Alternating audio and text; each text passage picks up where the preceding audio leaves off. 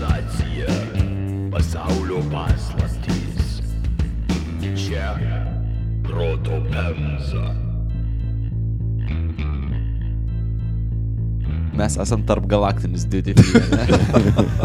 Visi stoja cigarečių pasiimti. Pasikvėpi. Jo. Iš Lietuvos kap. Tikriausiai duona, ne? Duona Šako- kokia juoda. Nu, alus tas pats gali. Pagalvokim, ne? buvo 90 kažkėlintais, ne tas epizodas, kur darėm, tai per 30 metų daugiau nei karto neapsilankė. Tai nėra, kad dažnai reikėtų pasiimti, kad ir ką jie tam pasiima pas mus. Ne, neužrekomendavo kažkaip. Jo, jo. Influenceriai vietiniai. Ypač, kad e, visą giną uždarėm, tai irgi jiem jau Nebėra net nėra įdomu. prasmės, jo, ką aš čia. Ne. Sveiki, įsijungia laidą Proto Pemza, kur mūsų nekompetencija pajokauta įstringai pasimylė su mūsų nesugebėjimu įdomiai papasakoti istoriją. Word. Word. Word. Iš Lūkiškių kalėjimo, kur mumiem ir vieta, naujos dažais, tinku ir prastais gyvenimo sprendimais kvepiančios nuosavos Proto Pemzos studijos.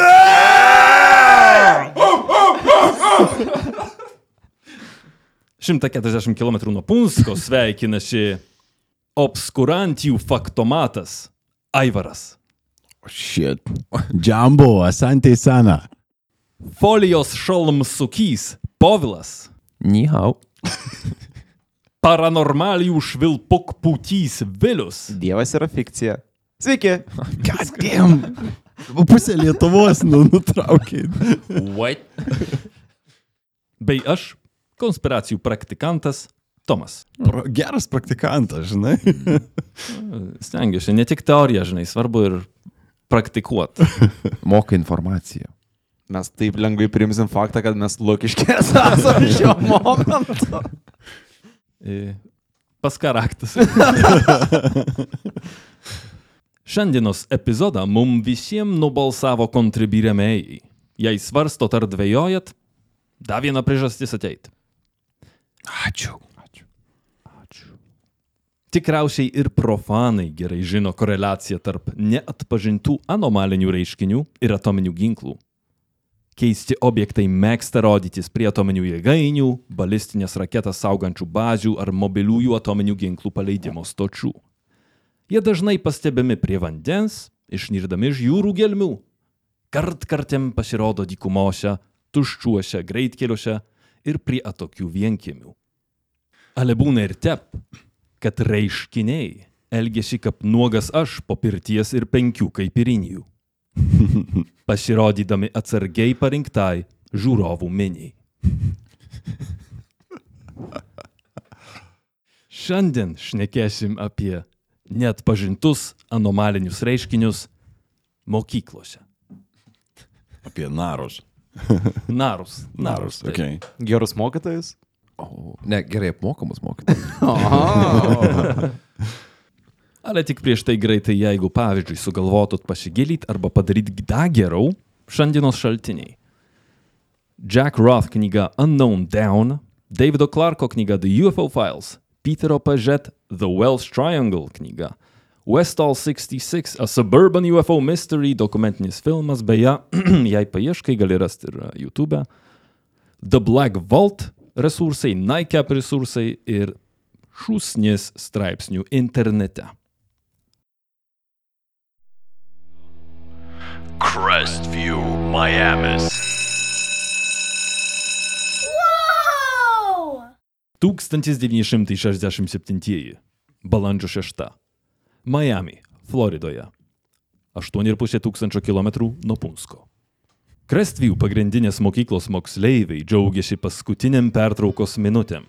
Giedrą pavasario dangų kartais skrodė iš Miami, o palauka oro uosto kylantys ar besileidžiantys lėktuvai. O paliočka. Pasibaigus pertraukai, 33 mokytojas Robertas Apfelis kvietė mokinius atgal į klasę. Pertrauka laukia, vaikai žaidžia. Vis tiek turi duoti pasiganyti, ten girdėjau kažkiek valandų per dieną. Kaip kalniam. 15 minučių kiem. Visas gal. O čia vidurinė mokykla ar, ar, ar, ar pradinė kokia nors? A, labiau pradinė. Pradinė, okei. Jo. Tačiau keletas vaikų, užuot grįžę į pastatą, Užsifascinavęs stebėjo kažką dangui. Pakelęs žvilgsnį, apfelis išvydo ore kabantį objektą. Kaip pats sakė, Jis atrodė kaip du sujungti lęšiai be jokių žymėjimų, šviesų ar papildomų elementų. Ataskaitoj, katrą pagal apfelio parodymus surašė Irving Lillian iš organizacijos APRO, objektas kabojo apie 20 metrų virš žemės, o per ištiestos rankos ilgį rodėsi 50 centų monetos dydžio, daugmaž mylios atstumu. Mokytojui ir mokiniams stebint, objektas staiga dingo. Liudininkam nebuvo aišku, ar jis išskrido greičiau nei išvelgia akis, ar tiesiog nustojo būti. Čia buvo monetos dydžio objektas už mylios? Daugmaž, kad, okei, okay, nežinau dimensijų to daikto, nes liudininkas stovėjo labai toli, bet, nu, okei, okay, per ištiestas, nedidesnis nei, tarkim, uh, nykščio nagas. Jo, ne? jo, jo. Tomai, jeigu galėtum priminti, mes randamės kurioje valstybėje? Floridoje. Floridoje, Amerikoje. JAV. Jo, Amerika. Valstybė į Floridoje. Jo.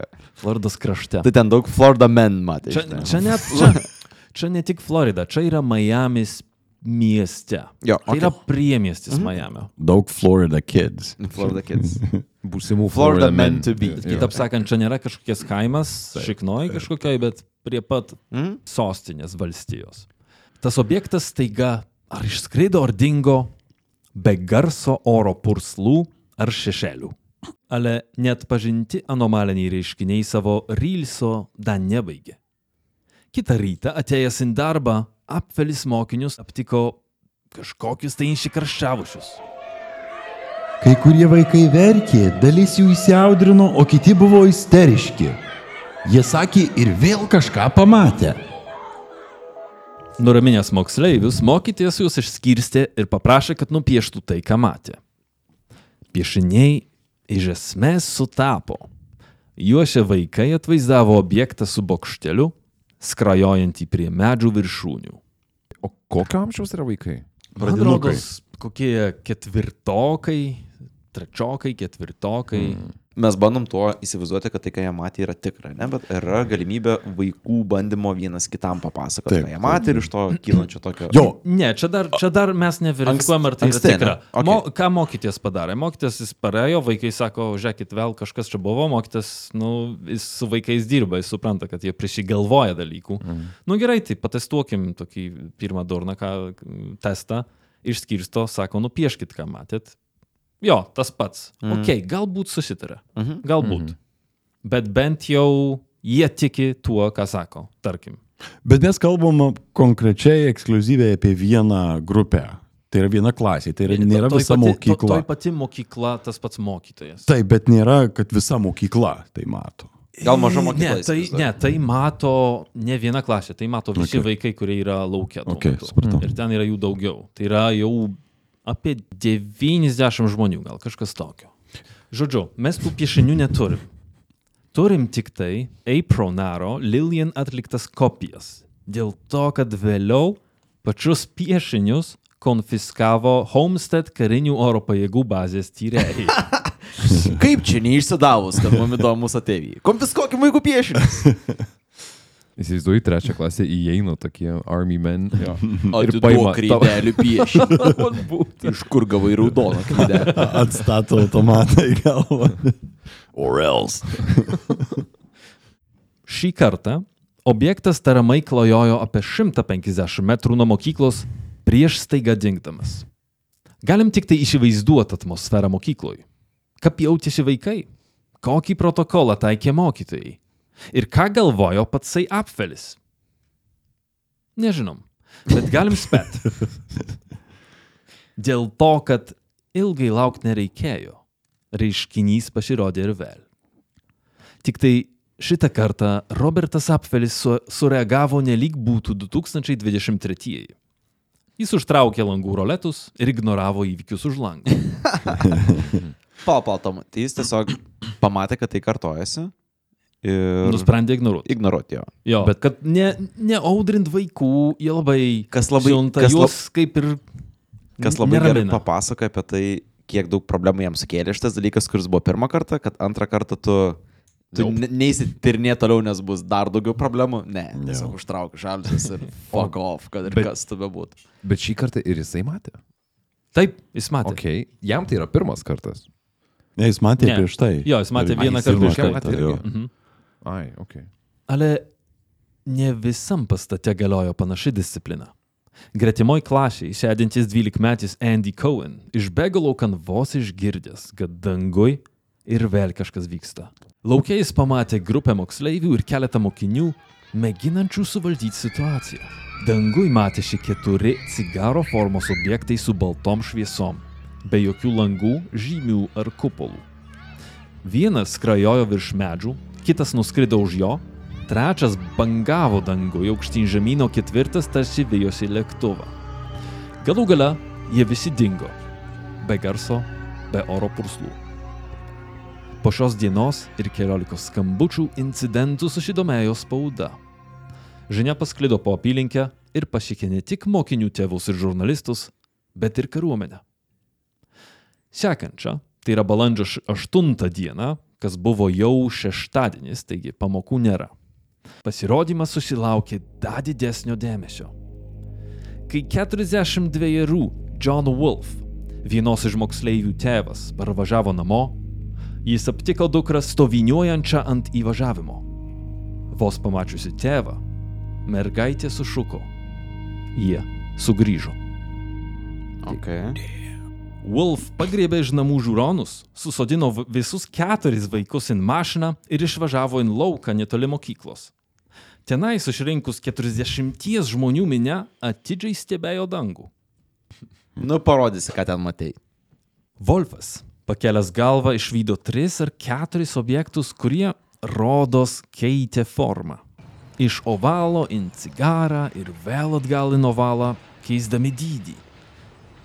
Ką prašė Jack Roth. Wolfas pamena tuo pat metu matęs taip pat lėktuvus iš North Perry oro uosto. Jis aiškiai atskyrė detalės ir kontūrus ant lėktuvų, tačiau ne ant objektų. Kiekvieną kartą lėktuvams prie jų prieartėjus, objektai paprasčiausiai dingdavo, tarsi išjungta šviesas. Nei vienas liudininkas neužfiksavo judėjimo tų dingimų metu. Objektai tiesiog dingdavo, o tada atsirasdavo tame pačiame taške lėktuvams pasiekus patogų atstumą. Tai dabar įsivaizduojat, kaip, kaip tai turėjo atrodyti, kad tas daiktas tiesiog on-off, on-off, Mhm. jungia išjungia, lyg e, peršokdamas, ką žinau, spekulacija į kitą dimensiją. Nežinau, sunku, sunku ras žodyną Jo. tokiam dalykui. Jo, kad jo. tai Yra šita teorija, kad ateiviai, tu pats nekartą minės, kad ateiviai nėra ateiviai iš kitų planetų, ateiviai iš kitų dimensijų. Tai, žinai, kaip mes galėtume žinoti. Bet kai, kai minėjai tą e, iš visų junginėjimą, primena irgi tą motyvą, kuris dažnai kartojasi šiaip NSO stebėjimuose ir e, man- Literatūroje taip pat. literatūroje taip pat. Ir Petro Zavoskas į tą patį matė. Tas žmogus, iš kurio mes daugiausia laiko praleidom besijokdami, kuris buvo realiai geriausias stebėtas iš, iš visos kompanijos. Ar čia žmonių. buvo tas, kuris griovygulėjo? Jo, Kuris galiausiai atsidūrė greitai. Taip, taip, taip. Svarbu paminėti, kad John Wolf turėjo 8 metų patirtį kariniam jūrų laivyne. Buvo pratęs matyti lėktuvus ir sraigtasparnius dėl netoli esančių oro uosto, o be to pats dirbo lėktuvo kapitonu. Kitaip sakant, žinojo, ką šneka. Irgi įdomi, ar ne detalė, kad labai dažnai tokias didelės istorijas įsipainioja kažkas iš, iš kariuomenės. Turi būti koks nors veteranas ar žmogus dirbantis su tuo. Įdomu Galvoju, gali būti susijęs to, kad atroportuoja labiausiai tuos keisus, kur buvo žmonės susijęs su kariuomenė, ne kaip kažkokius legitimius keisus. Nu, turbūt jo, kad nėra žmogus. Ne šiaip pilotas, o pilotas su karinė patirtim. He must be legit. Ei, tuo pačiu duokim taškų ir Wolfui, nes žmogus, kuris susijęs su lėktuvais, bus labiau linkęs juos ir pastebėti. Arba kažką neįprasto toje aplinkoje. Jo. Visiškai. Šiaip tai, turėkime omeny irgi, kad reiškinys pritraukia ir spaudą. Dabar mhm. čia jau nėra vien tik tai praeiviai, tėvai ir kaimynai, ten atsiranda jau ir vietiniai mhm. žurnalistai. Ir vad žurnalistui Wolfas yra geriausias, vien geresnių Šaltinių geresnių jo. šaltinių, jo, taip, Taip, taip, taip. Mes turim šiuo metu vaikus, kurie matė tą dalyką ir kaip šitas plotas įsi pasireiškia iš Tėvas yra vienas Ai, tėvas, mokinių. okei. Tiesiog yra, Okay, okay, yra tarkim, parkelis, yra, yra vieta, kur šiaip kaimynai susirenka, šiaip žmonės iš to miestelio, vieta kaip ir žinoma, ir tas daiktas kabo dangui, tai mato visi, kas tik tai pažvelgia okay. Dangų. Taigi Fuck. čia nėra tik tai, kad e, tėvai mato, čia mm. Mhm. atsitiktiniai žmonės Mhm. susirinko tenai dabar. Vienintelis atsakymas, kurį galėčiau įsivaizduoti, kolektyvinė halucinacija iš to vietą. Visa kita yra tiesiog atmazai. Tuo pačiu 67-ais gal nėra dar tokio... E, visuomenė kitokia. Gal tu ir nekalbėsi labai su savo kaimynais apie tokį dalyką, gal tu jau matei kažką, bet nenori pasakyti. Bet jau kai spauda, jo, jau pasigauna ir jau visi šneka, atsiveria naujas toks uh, etapas tau, kaip tų laikų, tokiam diskrečiam, galbūt labiau, labiau uh, susiturinčiam žmogui apie kažką įdomaus pašnekėti. Gal. Gal. Taigi, Wolfas stebėjo neįlinį šou kokią valandą, grįžo namo, papasakojo viską žmonai. Žmona, aišku, netikėjo, tai vyras nusivežė ją į vietą, kur objektai vis dar buvo matomi ir, nu, ir jie vis dar buvo ten. Taigi jisai žiūrėjo, jam jis nusibodo jam žiūrėti, grįžo namo ir dar žmona nusivežė parodyti. Šiaip, jas Wolfui. Nes Jo. jeigu nebūtų radę, tai Jo. jis labai būtų buvęs pozicijoje, kur ah, tas važiavimas atgal namo. Sakiau, kad nieko nebuvo. Netipiškas oro šou truko ilgiau nei valandą. Pažymėtina, kad judesiai nepriminė nieko, ką daro konvencionalūs orlaiviai. Objektai šuoliavo iš vienos pozicijos į kitą, kaip sakė Wolfas, tarsi pogo lasdos. Be garso, bet pažįstamų varomos jėgos įrengimų, kaip propeleriai ar kažkas, be numatomos trajektorijos. Aš jau per senas, kad išsidirbinėčiau. Norėčiau žinot, kas tai per objektai, net jeigu kas nors įrodys, kad halucinavau. O diena giedra buvo, dienos giedros buvo. Buvo gėdros, taip, pažymėta, Okay. buvo, buvo gėdros. Bet man patinka tavo, žinai, e, užsispyrimas. Vadat.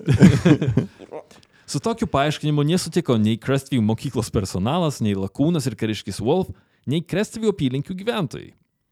Trijų dienų įvykius stebėjo bent 200 liudininkų.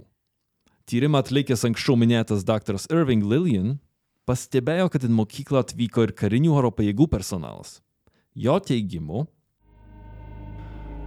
Objektų manevrus keleto dienų intervalu matė literaliai šimtai vaikų ir suaugusių. Neturiu mažiausios priežasties abejoti jų patikimumu. Aplinkybės leidžia atsisakyti valingos apgaulės hipotezės. taigi čia jo nuomonė. Jam atrodė, visi, kuriuos kalbinau, atrodė normalūs patikimi. O ko, koks jis daktaras? Berots, berots geologas. Geologas. Taip. Okay. Jo. Nu, Tai iš geologo tik tikėtaisi, kad jis supranta mokslinį metodą bent. Nu, Tu bent turi, jau jo. Turi, turi teisę iš jo to reikalauti. Mhm. Ale tai tik platesnio incidentų konteksto akimirka. Net pažinti anomaliniai reiškiniai rodėsi prie Krestvijų apie tris mėnesius. Taigi vis buvo tokių mažų incidentų iš vis liudininkų atsirandančių. Aš jau čia visko nenorėjau dėti. Floridoje po šiai dienai fiksuojami net pažinti anomaliniai reiškiniai. Internetas Donaldas Trumpas. Ron DeSantis. Top Yra dokumentai iš kažkur. A, užtruktume. Atskirų epizodai čia yra. Serijos podcastai. Čia. Tas UAP pavadinimu, The Florida Man. Jo, jau yra dangaus Florida. Internetas pilnas nuotraukų ir video. Katros dogmatikai skuba apskelbti suklastotais, ufologai skuba paskelbti tikrais, o mokslininkai skuba pasitraukti iš pokalbio, kad neišmestų jų iš darbo. O čia buvo visas tyrimas su šito susiję, nebuvo kažkokių tai tolimesnių bandymų išaiškinti, tyrinėti vėliau, pavyzdžiui, labai dažnai ir ne su tais didžiausiais įvykiais, vis tik po kelių metų žmonės grįžta, po dešimties metų grįžta ir bando aiškintis. Man rodos su šituo buvo. Man rodos yra buvę. Čia ir, ir, ir tai rodytų gal, kad žmonės išgyveno kažką, kas jiems strigo atminti, kažkas, Jo, kas jūs jo. labai stipriai paveikė. Ir ar jie pakeitė savo požiūrį per tą laiką, nes Būtent. pakeistas požiūris, jis kaip ir pasakytų, kad, nu jo, šiaip, matyt, legitimumas nėra aukštas, jeigu kažkas, pavyzdžiui, po penkių metų pasako, kad, žinot ką, čia aš buvau, čia pokštavau. Jo. jo. Broadhaven, Jungtinė karalystė. Wow! 1977 vasaro 4. Pembrokeshire, Velsas, Junktinė karalystė. Ne visai 1900 km nuo Punsko. Pagrindinės mokyklos mokytojas stebėjo iš pietų pertraukos grįžtančius mokinius. Ar kasdieniam darbui, sprendžiant matematikos ar literatūros užduotis, trukdė netipiškas vaikų susijaudinimas. Jie ėmė pasakot, kad laukia prie mokyklos matė sidabrinį cigaro formos objektą su kupolu. Dydis kaip dvi aukščio autobuso. Su UK viskas yra aišku. Tiesiog vaikus skraidino į Hogwartsą ir viskas. Čia net nėra teorijos kažkokios. Aš labai atsiprašau, Tom. Recruitment campaign. Jo, jo. Čia ne, ne ten nutaikiai. Tiesiog, nu. Kita istorija. jo. Suaugusiai, aišku, netikėjo vaikais. Pamokos tęsiasi, o jom pasibaigus apie 3.30 po piet, objektas vis dar stūksojo toj pačioj vietoj. O. Vaikai sakė, kad objektas ar erdvėlaivis pakilo be garso, laikėsi keliolika metrų virš žemės ir po kelių minučių dingo. Baigėsi kamščiai Hogwarts. Kitą dieną, atėjus į darbą, mokytoja ir vėl pasitiko susijaudinusių vaikų minę. Su ta pačia istorija. Prie mokyklos tą rytą jie matė net pažintą oro reiškinį. Šitą kartą mokytojas išskirstė vaikus ir paprašė, kad jie visi nupieštų, ką matė. Jų piešiniai sutapo. Vienas vaikų, David George, teigia, kad taip pat matė aukštą, apie 7 pėdų, tai yra 2,16 m, sidabrinį kombinezoną vilkinti asmenį su ilgom ausim. Pečio boys. Ar jis buvo Berlyne tuomet? Ir man atrodo, yra piešinys e, jo. Taip yra. šitam. Ai, ten, kur tas katinas toks stovi. Jo. Aš mane ten katinas. Ne, ten reiveris. Ai, ten, okei.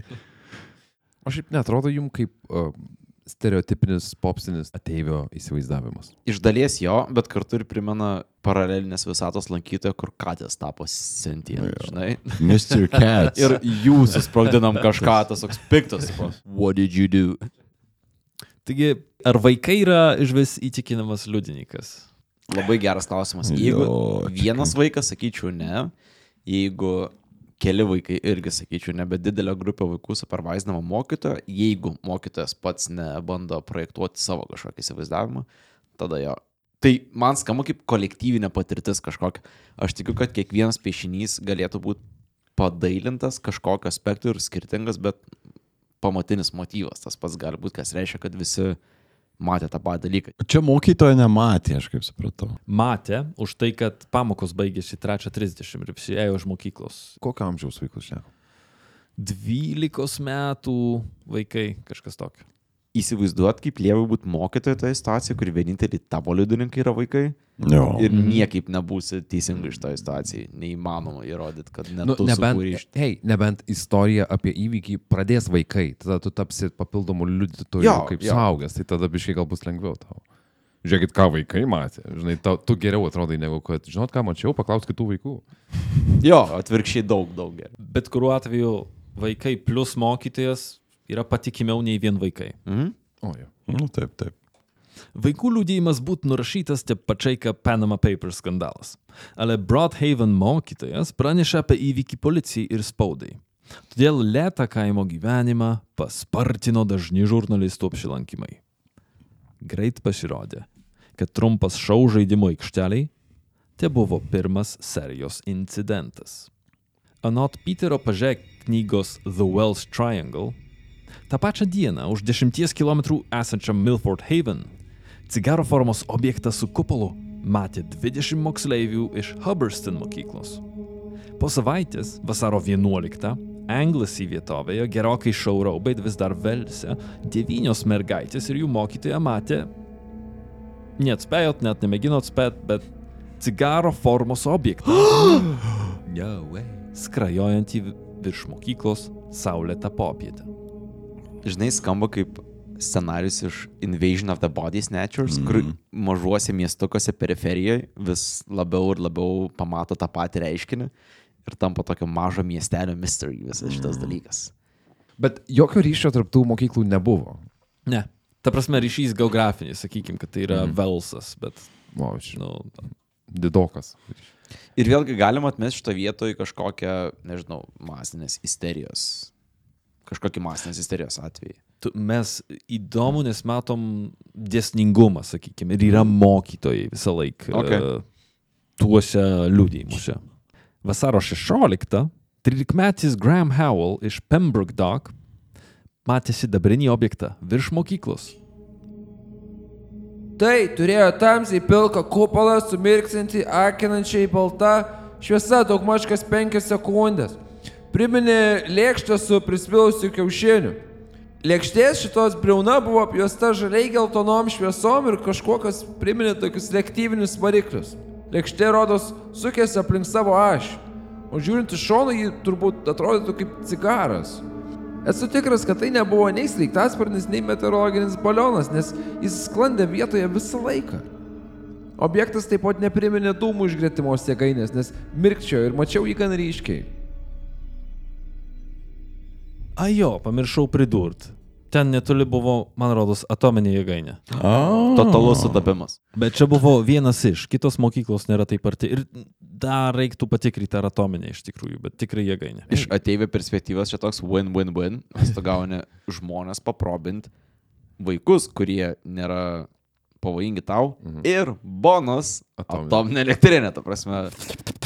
Jo, jeigu būtų mokslininkas, kuris rinktumės tirščiausios kruždžių urvelio dalį, čia būtų ta vieta. Um, Yra kas stebėti ten. Jo. Vasaro 17. 12-metis Mark Jones ir jo draugas Llewellyn Edwards matė net pažintą anomalinį reiškinį virš Averford West mokyklos. 4-5 metrų dydžio cigaros formos objektas, skrajojant į orą 30-40 metrų atstumu. Berniukai pastoviniavo, o tada metė į objektą akmeniu. Žinoma. ir meta akmenį. Pagaliau, labai ilgai reikėjo laukti šitą istoriją. Jo. Kažkas kiltų prieš. jo, imtųsi veiksmų kažkokių. I will, I will do what you tell me. Taigi to akmenio pasiekoj, objektas milžiniškų greičių nuskrido. Pabėgo. Jie pranešė apie tai policijai, tačiau policija nerado jokių įrodymų nei nusikaltimo. Tai... Šiaip kudos tiem vaikam, kad jie metė akmenį kažką ir nuėjo policija pasakyti, kad jie metė akmenį kažką. Raportai pasiekė policiją ir iš Švento Hugono mokyklos, Woodhall Spa, Lincolnshire, Osters plantacijos, o taip pat Trailey mokyklos Redruth, Kornvalija, kur objektą matė trys mokytojai ir 90 moksleivių. Visus metus Junktinės karalystės policija ir spauda fiksavo stebėtojų liūdėjimus, o keistumo lygis Pembroke išpirdolino skalę, kai savo patirtim pasidalino kumpsų šeima. Jie augino karves, o jų ūkis stovėjo mažiau nei kilometrą nuo Atlanto vandenino krantų. Pirma kumsų patirtis su NAR įvyko balandžio 12. Pauline Kums, grįždama namo su trimi vaikais, pamatė priešais mašiną keistą šviesą. Geltonos spalvos futbolo kamulio dydžio rutulį su žibinta primenančiu šviesos stulpu nutaikytų į apačią. Rutulys atskrido iš prieš, praskrėjo virš mašinos, o tada apsigrįžo ir pradėjo sekti kumsų mašiną. Yeah. Moteris, suprantama, išsigando ir spaudė gazą. Ar Hillman Hunter ištikima mašina pradėjo gest. Variklis staiga išsijungė ir inercijos varoma mašina pagaliau sustojo. Garsieji Hillman Hunter automobiliai. Čia tie tri- triračiai, kur reikia pasistumti, ne prieš iššokant. Braiši. Jo, klasika, klasika. Pauline griebė vaikus ir leidosi link namų. Atbegus papasakojo viską vyrui ir vyriausiam sūnui, kad tris dar spėjo pamatyti tą pačią šviesą dingstančią tolumoje. Tu skėrai visą situaciją. Aš išsigastau Aha. vietoj. Šeima mieliausiai būtų pamiršus visą incidentą, ale paranormalijų festivalis tęsiasi. Vėliau, tais pačiais metais, šeimos galva Billy Coombs darbavosi tvarte. Aptarnaut 158 karves nėra menkas darbas, tai visiems e, miesčionims. Phrasing.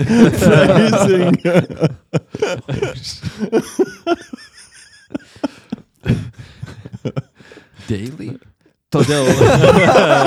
jo, jo, ka- kasdien. Čia yra klausimas, kuris Žurnalistą Povilui- gislelė. Kasdien, Pavlai, tikrai. Ką, ūkin nebuvai? Taip, ne. Todėl.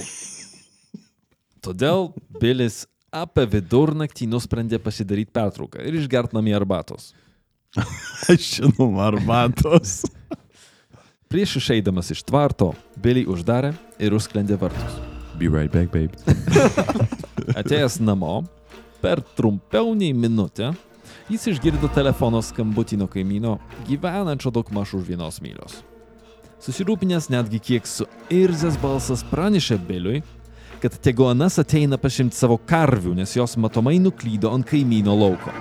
Piktas turės skambutis būti.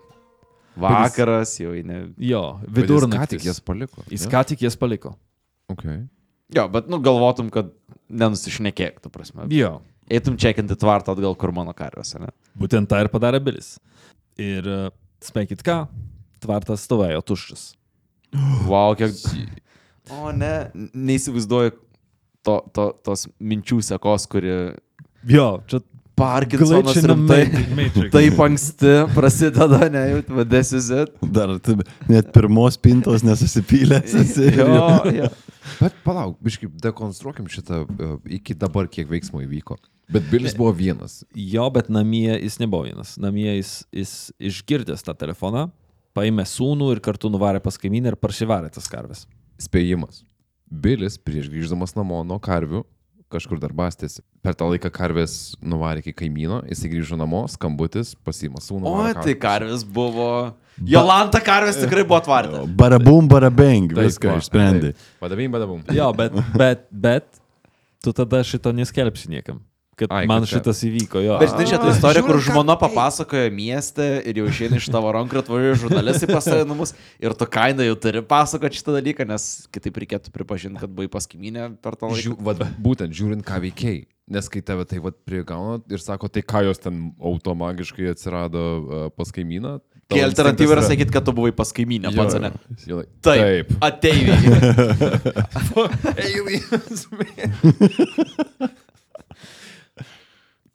Ar beverta babasako?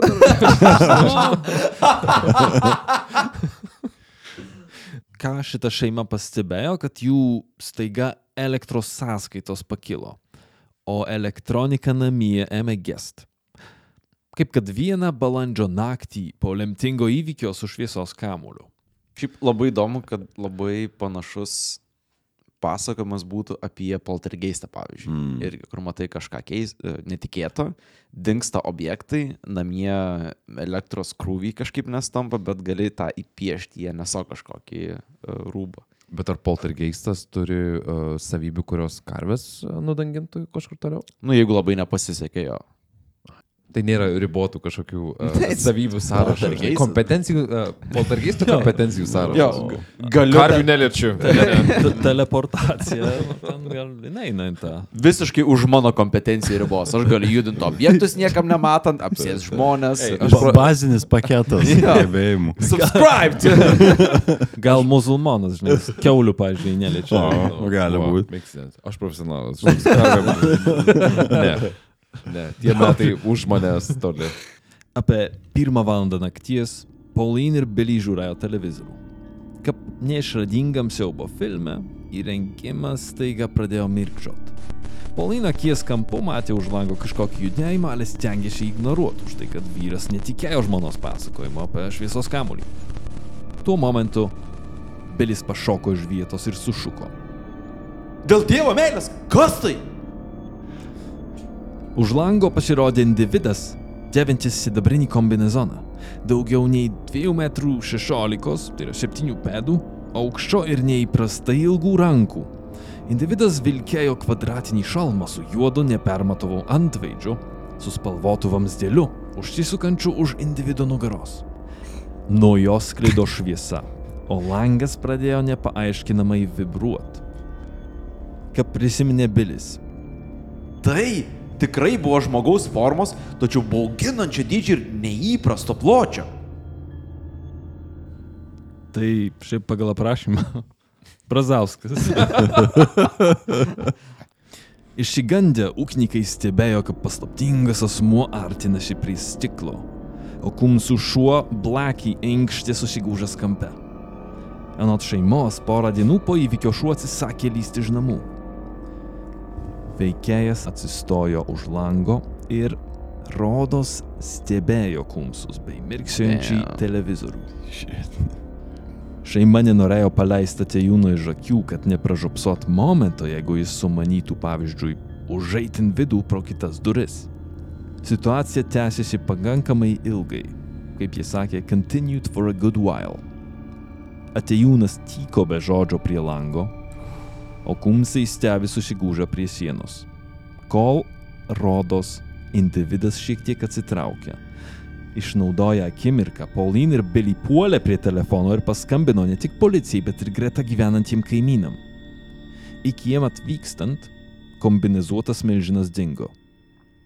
Peršygandus šeima davė parodymus policijai, kuri nerado jokių įrodymų, anei vėlgi nusikaltimo, ne tai, kad negalima daryti tokių dalykų. Jo, jo. Na ir šiaip kokius įrodymus galėtum rasti tokį vietą, ne? Nu, pėtsakus geriausiu atveju. Pasirodo, pasirodo. Jų istoriją dalinai patvirtino keli faktai. Po lemtingų langų augantis krūmas dalinai nudego, nudego mm. pusė nuo tos pusės, kur stovėjo tas individas. Kumsų televizorius po to vakaro nustojo normaliai veikęs. O be to, kaimynai teigia, įvykio metu jų langas keistai virpėjo, nors naktis buvo be vėjo.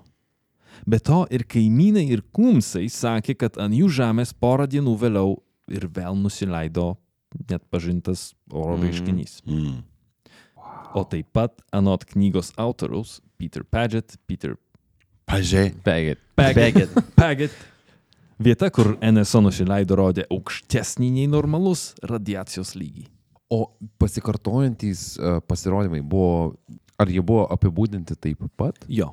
Tom pačiom spalvom Išski- formom? E, tie reiškiniai ore taip, bet tas Jo. šviesos kamuolys ne. Šviesos kamuolys atrodė mažesnis, kažkas okay. kito.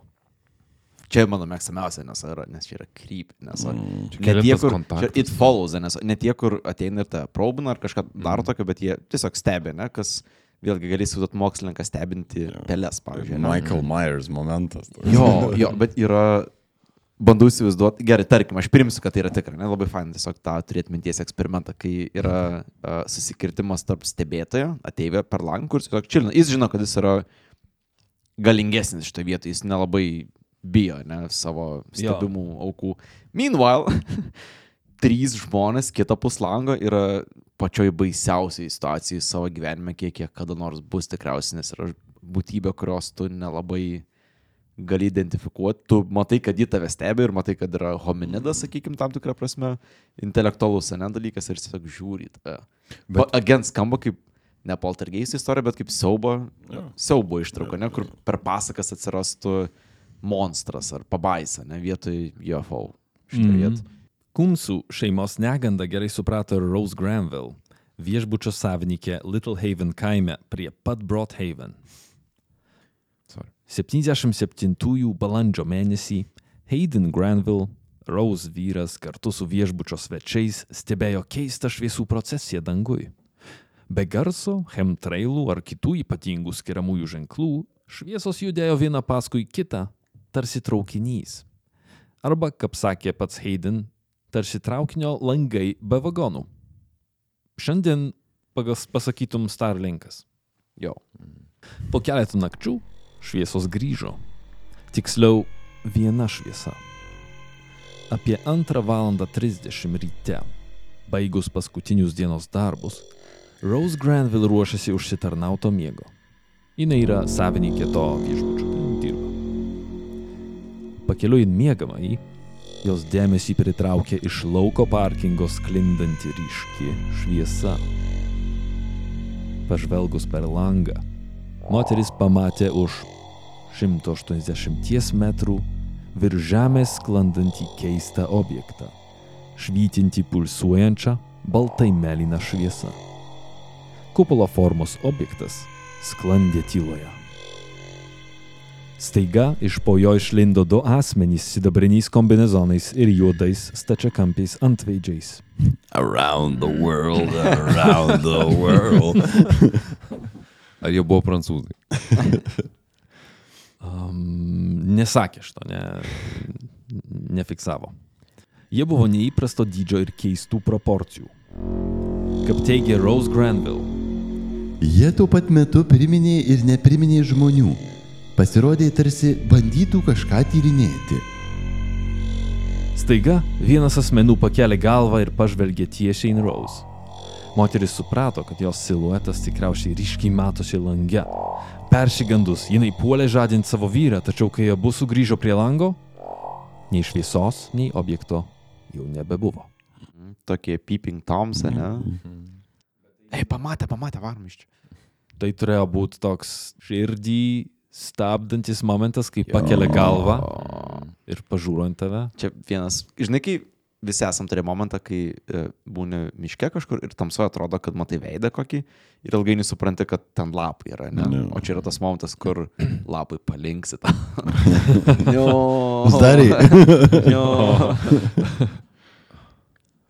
Rose Granville bandė viską pamiršti. Istorijos apie keistas šviesas, vaiduoklius ar skraidančias lėkštės galėjo pakengti verslui. Tad nebuvo prasmės skelbti apie neįprastą incidentą. Vieninteliai priminimai - išdegytos žolės lopinelis.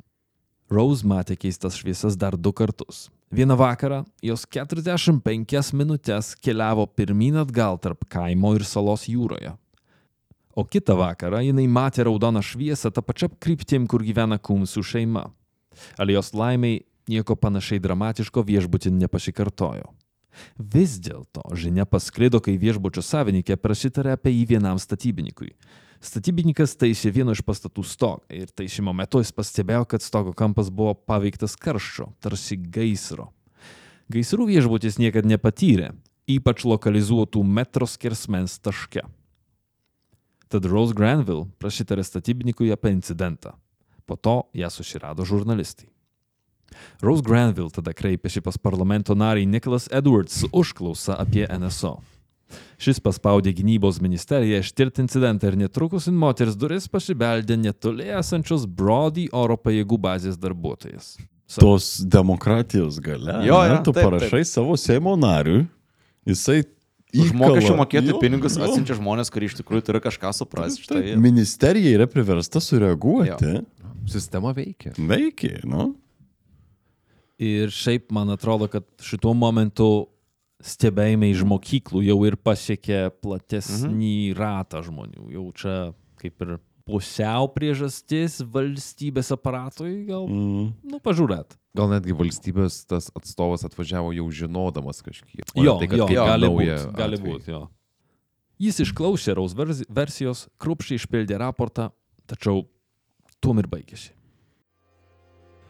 Jis teigė, kad nėra absoliučiai nieko Brody bazėje, kas galėtų paaiškinti NSO. Jie neturi nieko, kas atrodytų panašiai ir kam būtų galima priskirti šį incidentą. Jis paprašė, kad nepasakočiau apie tai niekam, nes geriau būtų nekelti panikos visuomenėje. Nu, bet kita vertus, net jeigu jie ir turėtų kažką panašaus, jie neso, jie tikrai nesakytų vietiniai aldonai, ne? Apie, Mhm. apie šitą Jo, bet galvojant apie vietinę Aldoną, jeigu man pasako, kad mes nieko neturim, bet niekam nepasako, tai iš karto sugrįžta pirmą sakinio dalis. irgi yra šito. Skirtingai nei spauda, vyriausybė rimtai susirūpino įvykiais Broadhaven. Privačiam memorandume oro pajėgų saugos tarnyboms karinės oro pajėgos mini patikimus liudininkus minėtėm įvykiam. Kabutėse patikimus liudininkus. Šis dokumentas parodo, kad gynybos ministerijos atliekamas NSO projektas reikalauja iš karinių oro pajėgų policijos slapto tyrimo, kai tuo pat metu parlamentui, medijoms bei visuomeniai sakoma, jog tai neturi jokios reikšmės. Ar ši istorija turi paaiškinimą? Ne. Nebūtinai. Gal? Priklauso. Štai 96-ais, beveik 20 metų po įvykių Pembrokeshire, verslininkas vardu Glenn Edwards prasitarė, kad vaikščiojo apylinkiai su šidabriniu kostiumu, gazdindamas vietos gyventojus. Okay. O, praktinis pokštas. Mm. Labai jau toks savotiškas praktinis pokštas žiūrėti šeimą su vaikais per langą, bet jo. Tuo tarpu JAV karinių jūrų laivyno narys, tuo metu stacionavęs Junktiniai karalystėje, teigia, kad tai buvo pokštaujantis jūreivis vilkintis prieš gaisrinį jūrų laivyno uniformą. O paslaptingos šviesos tai Harrier tipo naikintuvas, galintis pakilti nuo žemės vertikaliai. Ir atsiras ir išnyk, nepamirškime. Taip, taip. Ir su tuo Harrier tiesiog skraidai po mokyklas ir po sodybą. Ir nepamirškim, be jokio garso. Taip. Tyliausi reaktyviniai varikliai planetai. Ok, tarkim, naikintuvas kažkoks skraido, bet o kam tada tas jūreivis tenai? Tuo pačiu metu, nu, ta visa kombinacija. ja, ja. tokia. Arba gali būti dalis iš šito tiesa. Ta prasme, galėjo būti tikrai pokštininkas, bet tai nekeičia vaikų parodymo, kad ir jie matė kažką keisto. Nes, Nes irgi- pokštininkas galėjo atsirasti po to, kai vaikai matė jo. ne? Jo, Kur- čia jau gandai sklinda ir va, kažkurio momentu vienas kažkoks girtas jūreivis sugalvojo, kad jam nuobodu. Melburnas, Australija.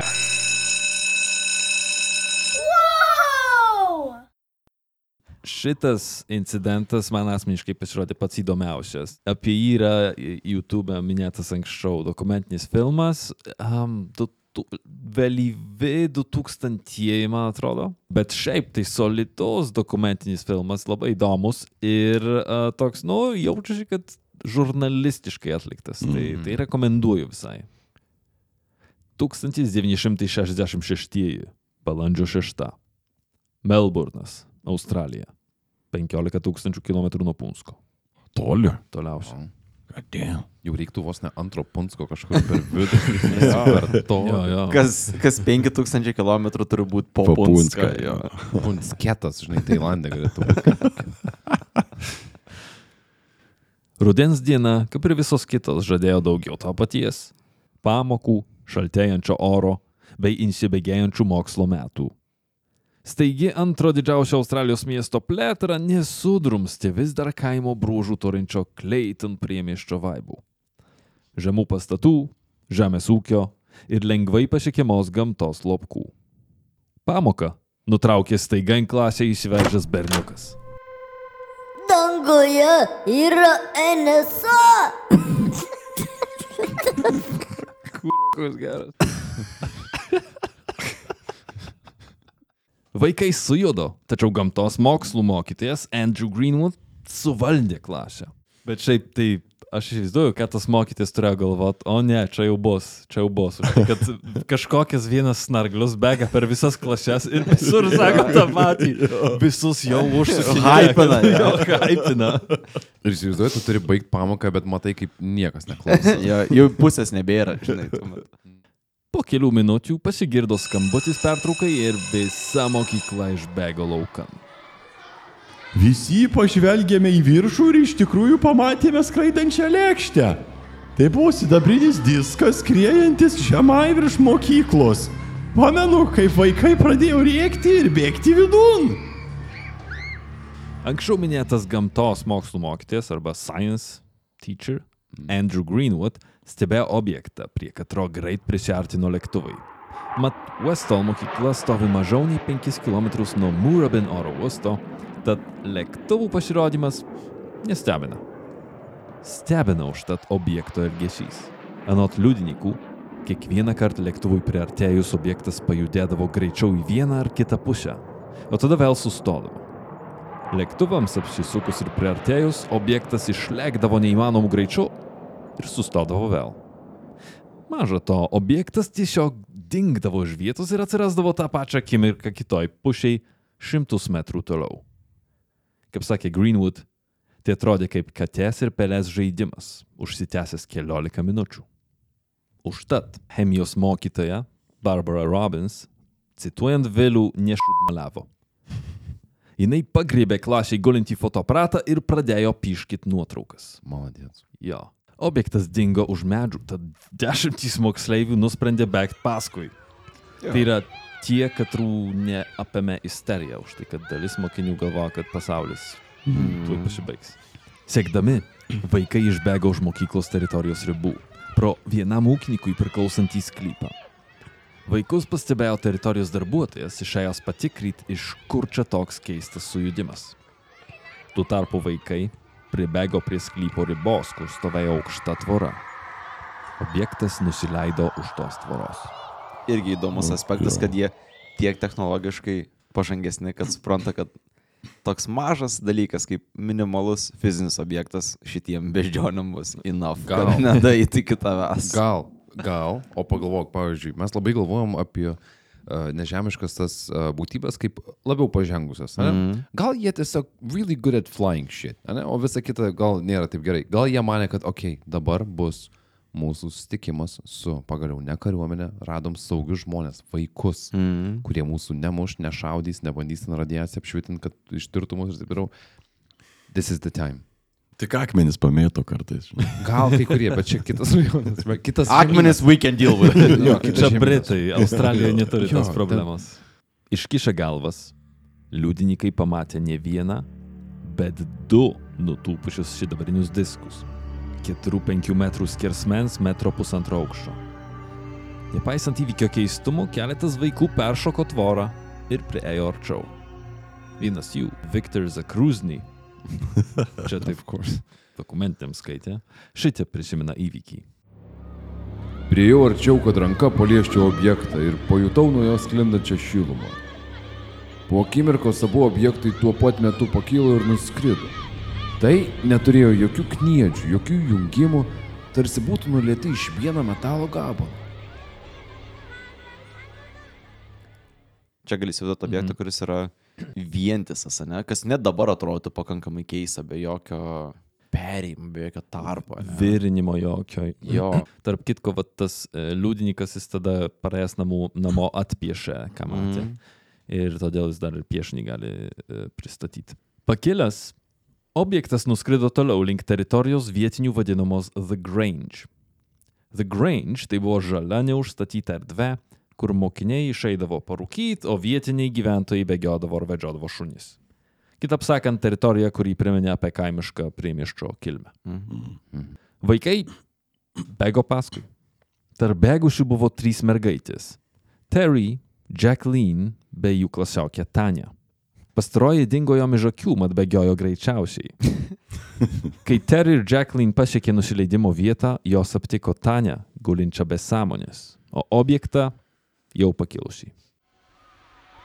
Ta nenualpo. Daiktas tikrai nusileido, nes kai pribėgau, aptikau apvaliai išguldytą, beveik išdegintą žolės kasnelį. Tarsi sukūrio formos. Draugė guli be sąmonės, o vietoj laivo yra išguldytas ratas.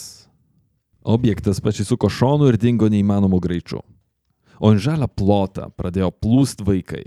Netrukus atvažiavo ugnegesiai bei civilinės gynybos organizacija State Emergency Service, gavusi iškvietimus dėl sudužusio lėktuvo Kraft Mm.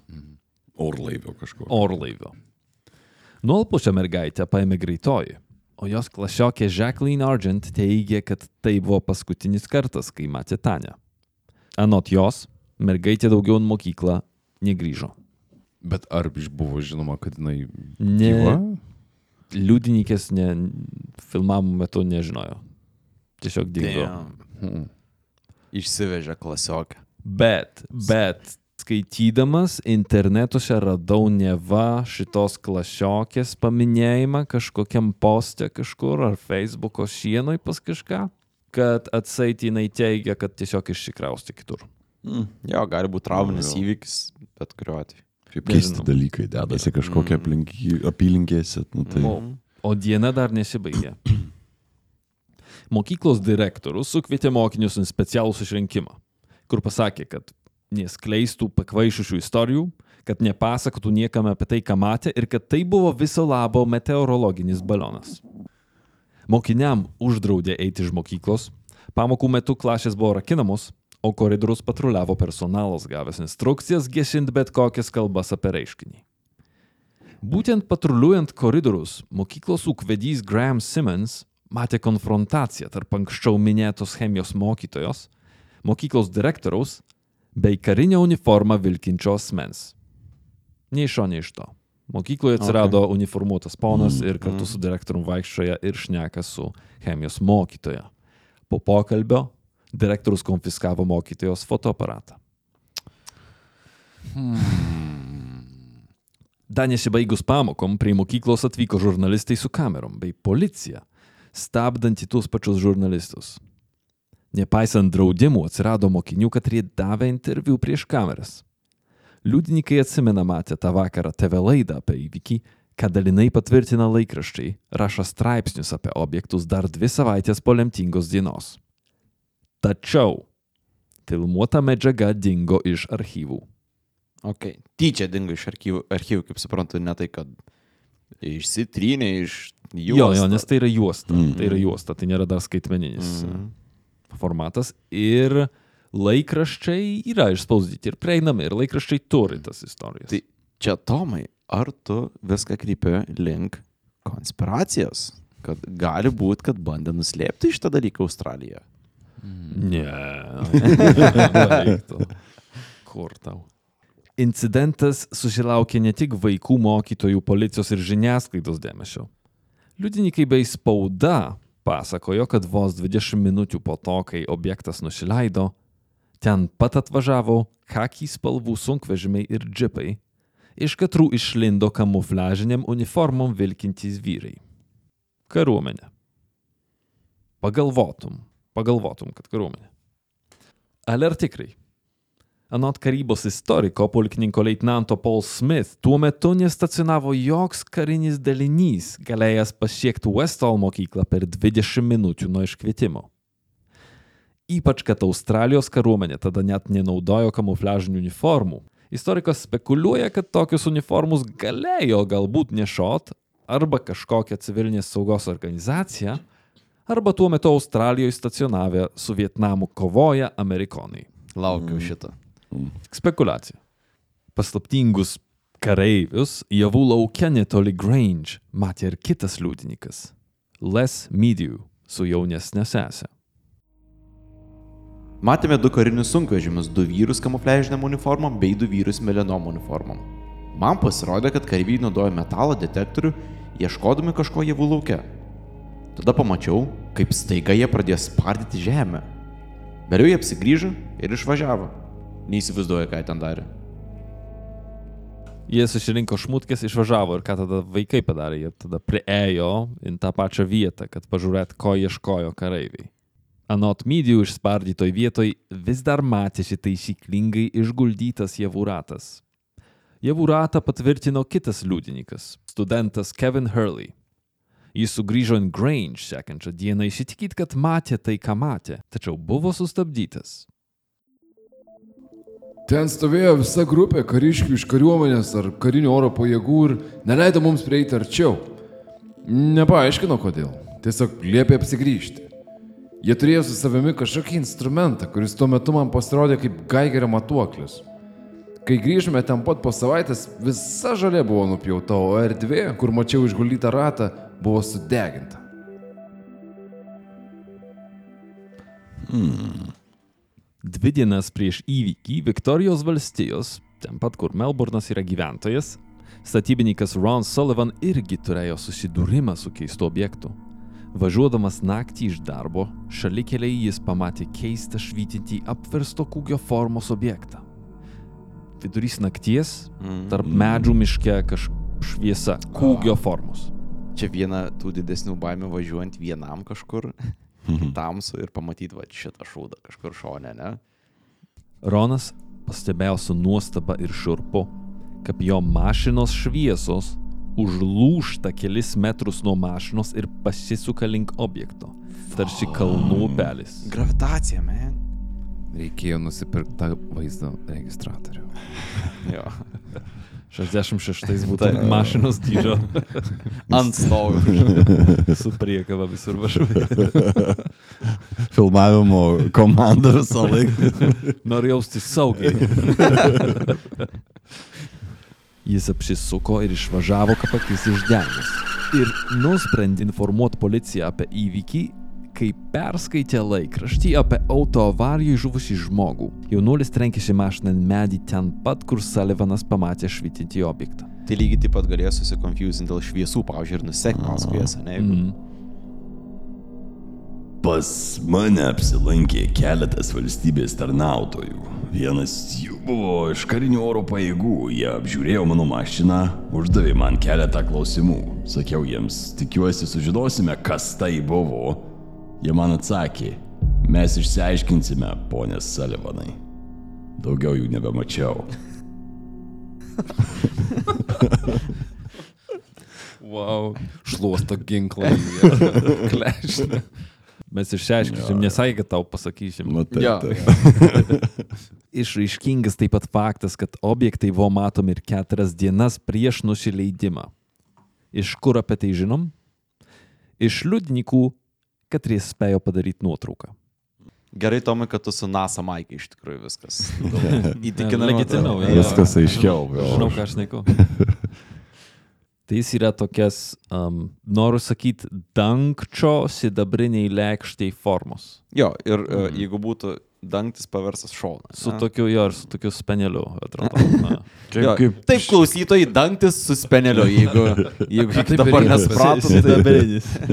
Bet aš žiūriu, taip, taip ir yra. Arba tas, kur um, viešbučiuose būna skambaliukas, tik tai tas skambaliukas, kur yra viršus perkeltas į apačią ir platesnis. toks. Čia tas apibūdintas vaizdingai spenelis buvo. Nu, tikriausiai. jo, jo, jo. jo. Gamtos mokslų mokytojas Andrew Greenwood tik po kelias dešimties metų pripažino spaudai, kad iš tikrųjų matė aprašytus įvykius. Jis taip pat teigė susilaukęs vizitų iš valstybės tarnautojų ir kariuomenės. Jam buvo uždrausta apie tai kalbėti. Įbaugintas, kad praras darbą ar blogiau, jis pasirinko tylėti. Tačiau net be Greenwoodo liudininkų įvairiais skaičiavimais tarp 2 ir 400. Dėjau. Įdomu, ar visus asmeniškai gazdino ir važiavo pas visus. Kaip tu identifikuoji apskritai, man atrodo? Ai, nu, žmonės kalba. Tai gal. Taip pat e, turbūt ypatingai svarbu buvo institucijas įbaugyti. Ką aš neka žmonės gatvėje, nieko nesvarbu. Svarbu spauda, mm. mokykla, tai kur įvyko ir galbūt, na, nu, jeigu tai bus kažkokia tai, nežinau, institucija, tai va- vat, vat su jais šnekėti ir turi kariuomenė, gal policija. Šiaip tai, kiekvienas šiandien e, pristatytas atvejis turėjo šimtą bent. Mhm. Tai ženkliai skaičiai liudininkų kiekvieną kartą. Faina, kad mokyklos yra tik tai vienas iš dėmenų. Vieni tik iš stebėtų yra mokyklos, nuo jų prasideda ir tada eskaluojasi toliau. Mm. Ar Westall incidente 66-aisiais pasirodė svetimos kilmės objektai? Brian Dunning savo straipsnėje puslapiui skeptoid.com su tuo nesutinka. Anot Dunningo visiems įvykio elementam galima sugalvoti racionalių, žemiškų paaiškinimų. Paaiškinimą, kad jis neapimtų eksperimentinių lėktuvų. Mat, Australija tais laikais beveik neturėjo aviacijos, tai industrijos, tai jie nebent aptarnavo esamus lėktuvų modelius ir statė dalis kitom produkcijom. Nebent kažkas kitas, nežinau kokia tai JAV ar Tarybų sąjunga ar Prancūzija būtų testavę savo eksperimentinius lėktuvus Australijoje. Ale per 50 su viršum metų dizainai atitinkantis liudininkų aprašymus būtų buvę paviešinti. Mm. Pakol kas nieko panašaus nematėm. Nu ir iš vis kodėl testuot būtent Melbourne, Australijoje. Mm. Gali daug tuštesnių vietų susirasti tam Tu- tu- žemynę. Toj pačioj Australijoje, jo. Jo. Vis dėlto, Dunningas turi geresnę teoriją. Jo manimų nusileidimą tarp medžių Grange plote ar už tvoros galima paaiškinti meteorologiniu balonu. Kaip tik tą dieną panašus balionas buvo paleistas iš Lavertono, 32 km nuo South Clayton, tai yra nuo Westall mokyklų. O kaip su Andrew Greenwoodo raportuotu katės ir pelės žaidimu tarp objektų ir lėktuvų? Pasak Dunningo, šitą vaizdą galima paaiškinti treniruotę. Konkrečiai, už kelių kilometrų esančio Murabin oro uosto lakūnų pratybom su specialiu drogu. Tai yra tokia niloninė koinė, kurią lėktuvas tempia ant virvės iš paskos. Tokios koinės būdavo ar aš nežinau, gal vis dar yra naudojamos šaudimo ar sėkimo treniruotėm. Nu, tai žodžiu, vienas lėktuvas turi tokią uodegą, sakykime, o kiti šaudo. Anot Daningo tai paaiškina raportų ir liudijimų trūkumą iš to paties oro uosto. Jiems tai buvo normali diena be surprizų. Nu, o skeptoj.com argumentai apie liudininkus suševeda į vieną žodį. Nepatikimi. Ar galim tikėti paaugliais, ypač kai istorija išauga iki tokio masto, kad pritraukia žurnalistus ir televiziją? Ar Daningo teorija intikida? Mano nuomonė, paaiškinimas yra silpnas, kaip Too soon. Ar žinot, kaip atrodo balionas? Tikrai nemaniau, kad tai pasibaigs šitas savo sakinys. Vis dar nesibaigė. Taip, ži- žinau, kaip atrodo balionas. Jo, taip pat kaip ir 19 amžiaus žmonės. Westall incidento metu balionai šventė savo 183 išradimo metus. To čia reiktų būti tikrai prastos nuomonės apie australus, kad teikti, jog jie nėra matę baliono. Well. Gerai, kad jie tim neužmetė. o kaip dėl lėktuvų pratybų ir jų naudojamo niloninio drogo? Šitas paaiškinimas nėra minėtas nei vienam pirminiam šaltiniui. Be to, tokias vaizdas neturėtų stebėti nei mokinių, nei tuo labiau gamtos mokslų mokytojo, kad jiems startuojančių ar besileidžiančių iš Mūrabin oro uosto lėktuvų vaizdas buvo nuobodi kasdienybė. Mm. Tarsi, gi kasdien mato tą, kas ten vyksta. Ir pratybos, nu, okei, okay, jeigu tai vyko vieną kartą visoje istorijoje tos mokyklos. Bet turbūt jeigu vyko kartą, tai vyktų dažniau. Bent jau dar kartą. Bent jau jo. Galų gale.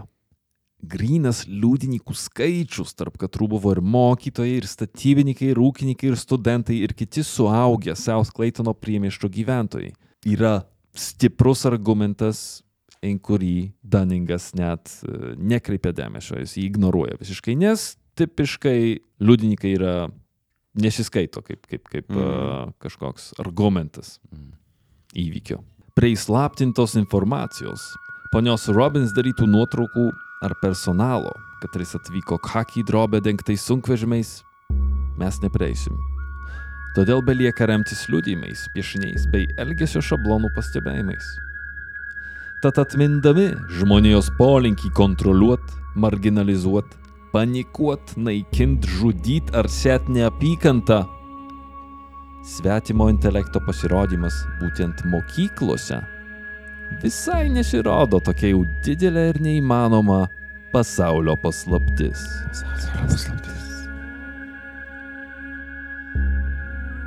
Nice. Nu, uh, įstabu, net man, kaip uh, tokio lengvo skepsio turinčiam visą laiką šitą temą, buvau prikaustytas prie mūsų naujųjų kėdžių. tai kažkiek kredito duosiu kėdai, bet didžiąją, didžiąją dalį tikrai duosiu tavo uh, istorijai. Kariuomeniai reiktų persirengti, kai jie važiuoja į tokius, uh, į tokias įvykio vietas. Jie tiesiog labai daug tada uh, pasako žmonėms yeah. be žodžių. Buff vyrai su NASA maikėm ir flip-flopsais. tiesiog. Mes turim. Geriau, geresnė maskuotė vis tiek nei vyrai juodais drabužiais. True. žinai. Pasiklausiu iš tų visų dalykų, labai prigretini, kad nėra taip jau toli visas tas siužetas filmų, kad visai taip galėtų ir būti. Realiai šitą istoriją nelabai uh, kuo skiriasi nuo kitų uh, pastebėjimų, tik tiek, kad šaltinis ir tie, kas pamatė jį, yra kitokie. Jo, bet tas įdomus atvejis, kad, žinai, viena vertus vaikai yra toks mažiau patikimas pasakotojas, liudininkas, kita vertus labiau patikimas, nes mažiau gal turi intencijos, nu, vaikas nemasto, kad gali užsidirbti iš tos istorijos ir tas matymas ar nuosaba tokia natūralesnė šitoje vietoje yra. Nekaltas liudininkas. Jo, jo, jo. Galų gale tai vis tiek yra į tą patį kibrą, kad kažkas buvo ir kažką matėm. Tai jau net nebelabai, a, gal aš skirstyčiau, kad tai yra kažkokie nepatikimi šaltiniai. Negali nebūti nieko. Aš, Ir supraskite, kaip yra keista, kad aš tai sakau. aš, aš paseksiu Povilo pavyzdžių. Man šitos istorijos, ar bent jau to ir ne paskutinė ypač istorija, man yra įtikinamiau, pavyzdžiui, nei Randall Šemas. Jo. Nes, nu, Randall šiame buvo labai ribotas ratas žmonių, kažkokie, kai kurie iš jų tikrai keisti veikėjai buvo ir panašiai. Šiuo atveju mes turim, ar ne, nuo 2 iki 400 žmonių, kurie buvo liudininkais. Mm. Tai šiuo atveju net jeigu ten ir nebuvo ateiviai, nu, čia pasikartosiu tai, ką Vilius mums duoda per galvą šį visą vakarą, net jeigu tai nebuvo ateiviai, bet kažkas ten vyko. Ir, ir bet kuriuo atveju tada tai nu, labai palieka tokią, ar ne, įdomią natą istorijoje ir tokią paslaptį, kuri turbūt jau neliks niekada įminta. Jei, ne, nebent kažkas atras dokumentus užslaptintus tenais, kur buvo daromi tyrimai ir, ir taip toliau ir, ir panašiai, bet man Palauk, kol išvedysim tuos jėzuitų rūšius. jo.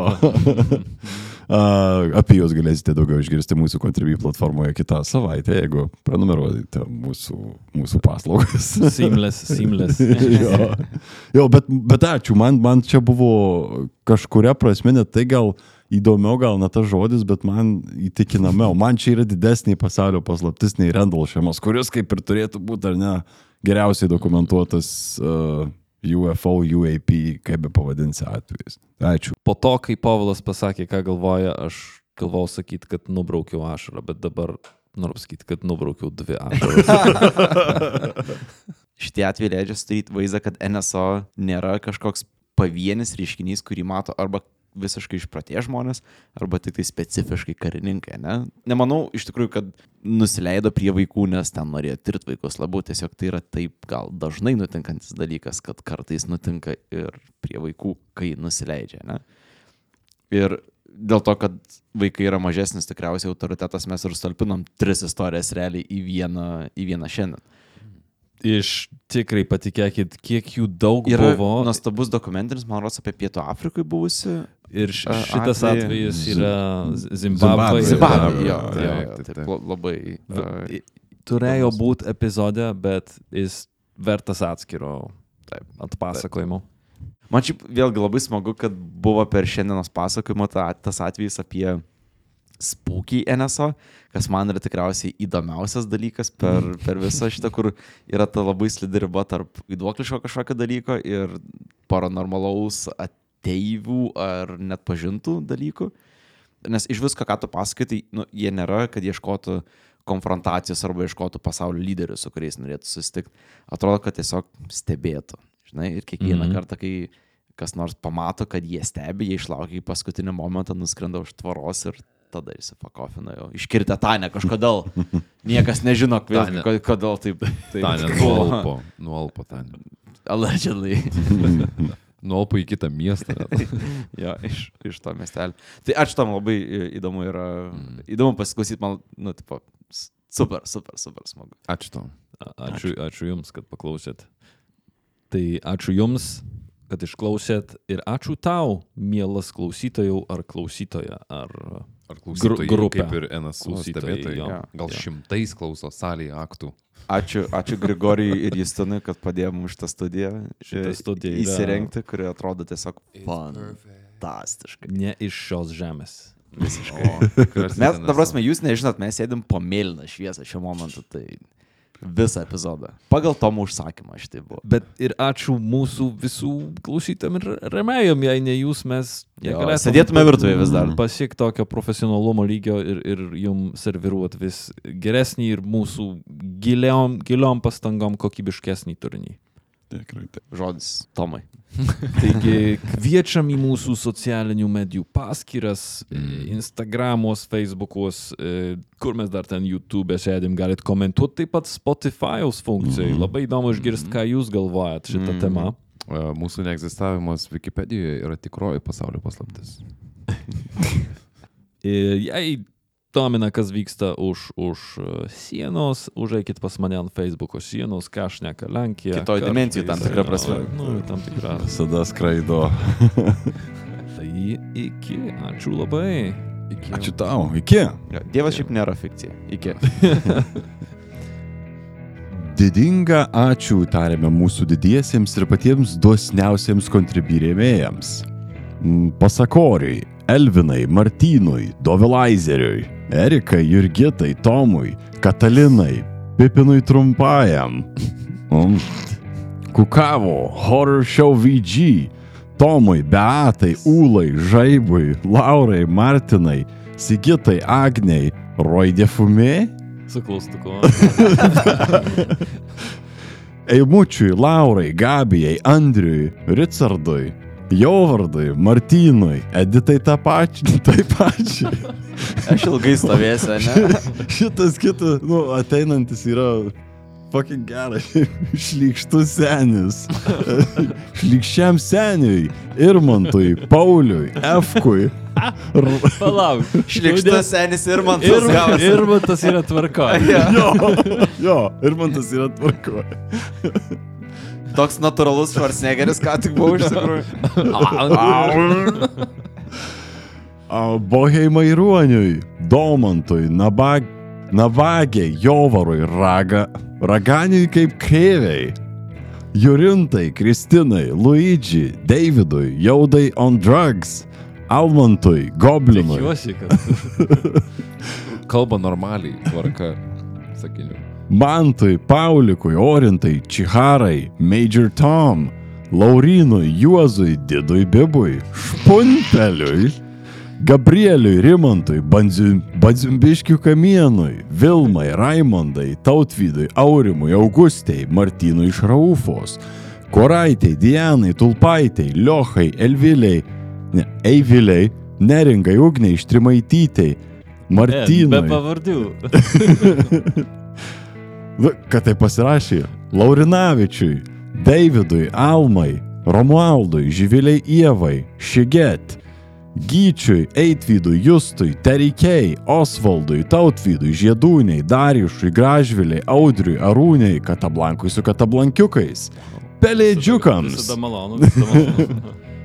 DJ Music, Vismantai, Liudai, Daivai, Marzazilui, Mantvydui, Egidijui, Emilionai, Ievai, Martinui, Evelinai, Viktorui, Godai, Dainiui, Dietlovo meškutėms, Radzvilai, Giedriui, Erikai, Egliai 3, Medžio ženkliukas, Mičigiau, Artūrui, Rasai, Erikui, Duke Silver, Julijai, Ritai, Dainorai, Liniui, Duonatui, Pemetrai ir Justinai.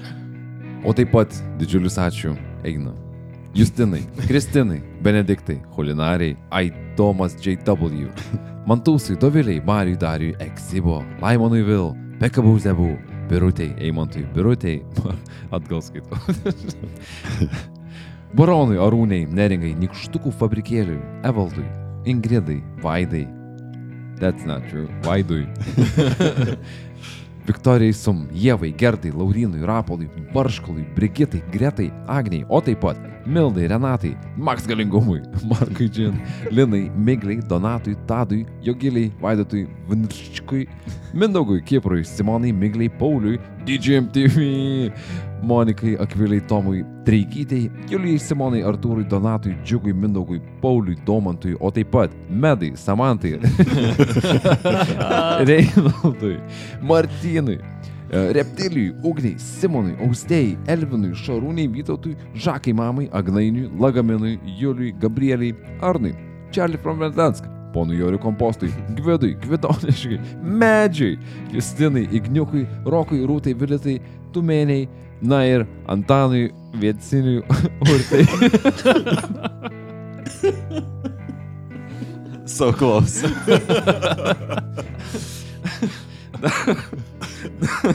Dar liko Trump, bet aš apibendrinu. ir, ki, ir kiti. Tiesiog. Tai tiek.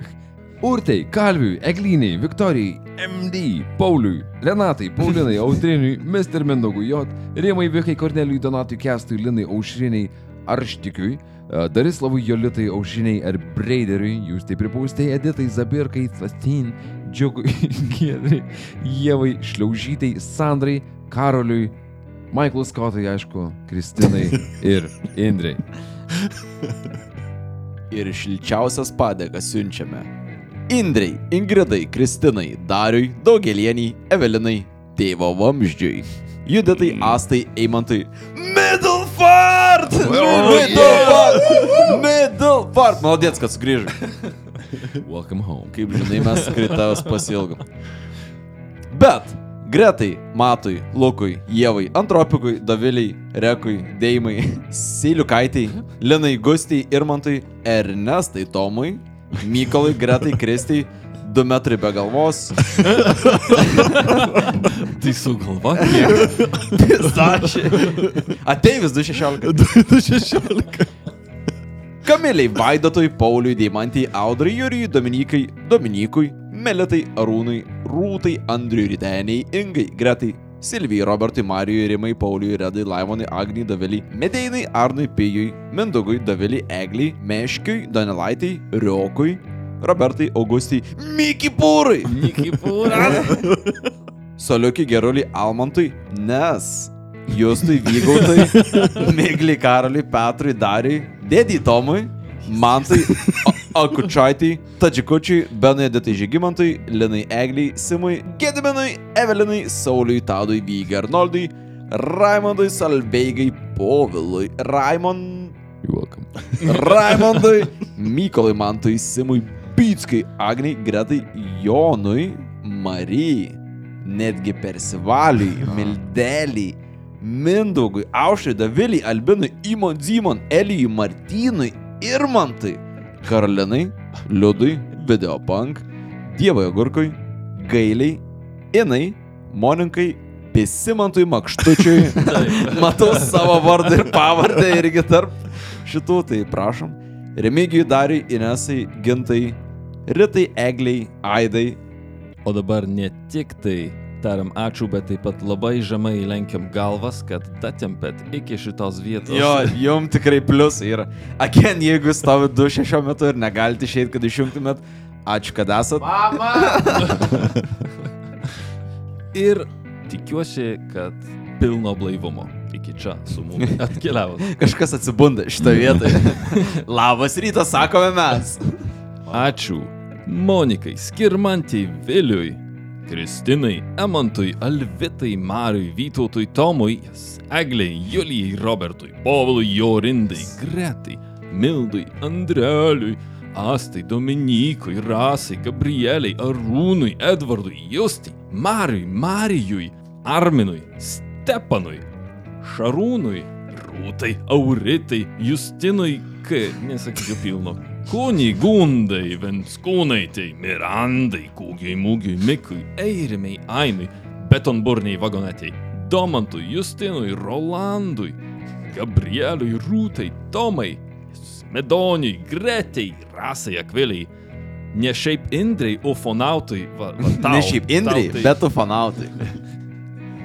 Tau tai ačiū, fanautai. Tau tai. Jei net tu neturėtume tiek daug kontento.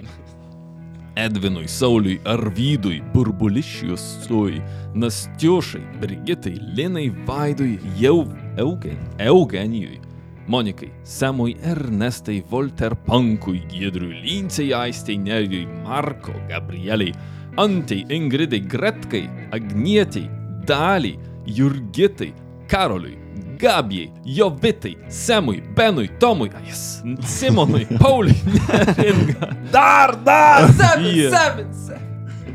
Giedrai, Tomasino, Benui, Rokui, Viktorijai, Agniai, Andriui. Tomai, kodėl tu rodai lybę? Ant Tomasino kažkaip Tam biškai Jo, jo. Tau ačiū. Tomui, Vaidai, Serui, Tau. Serui Taučiui. Seras Tautis. Skamba kaip sūris. Tik tai tau. Davidui, Ramintai, Gerdukai, Gabrieliui, Simonai, Erikai, Justinai, Mantui Kul, jo, iš tikrųjų, Robertui, Pučinskaitai, Kamiliai, Sauliai, Mariui, Juozui, Dianai, Valiui, Tomui, jis Dominikui, bei be abejo visų lauktai Jolitai. Ačiū Jums. Ačiū. visiems. Dėkui, ačiū. Labai, labai stipriai. Ypatingai tau, kuris išklausė iki čia.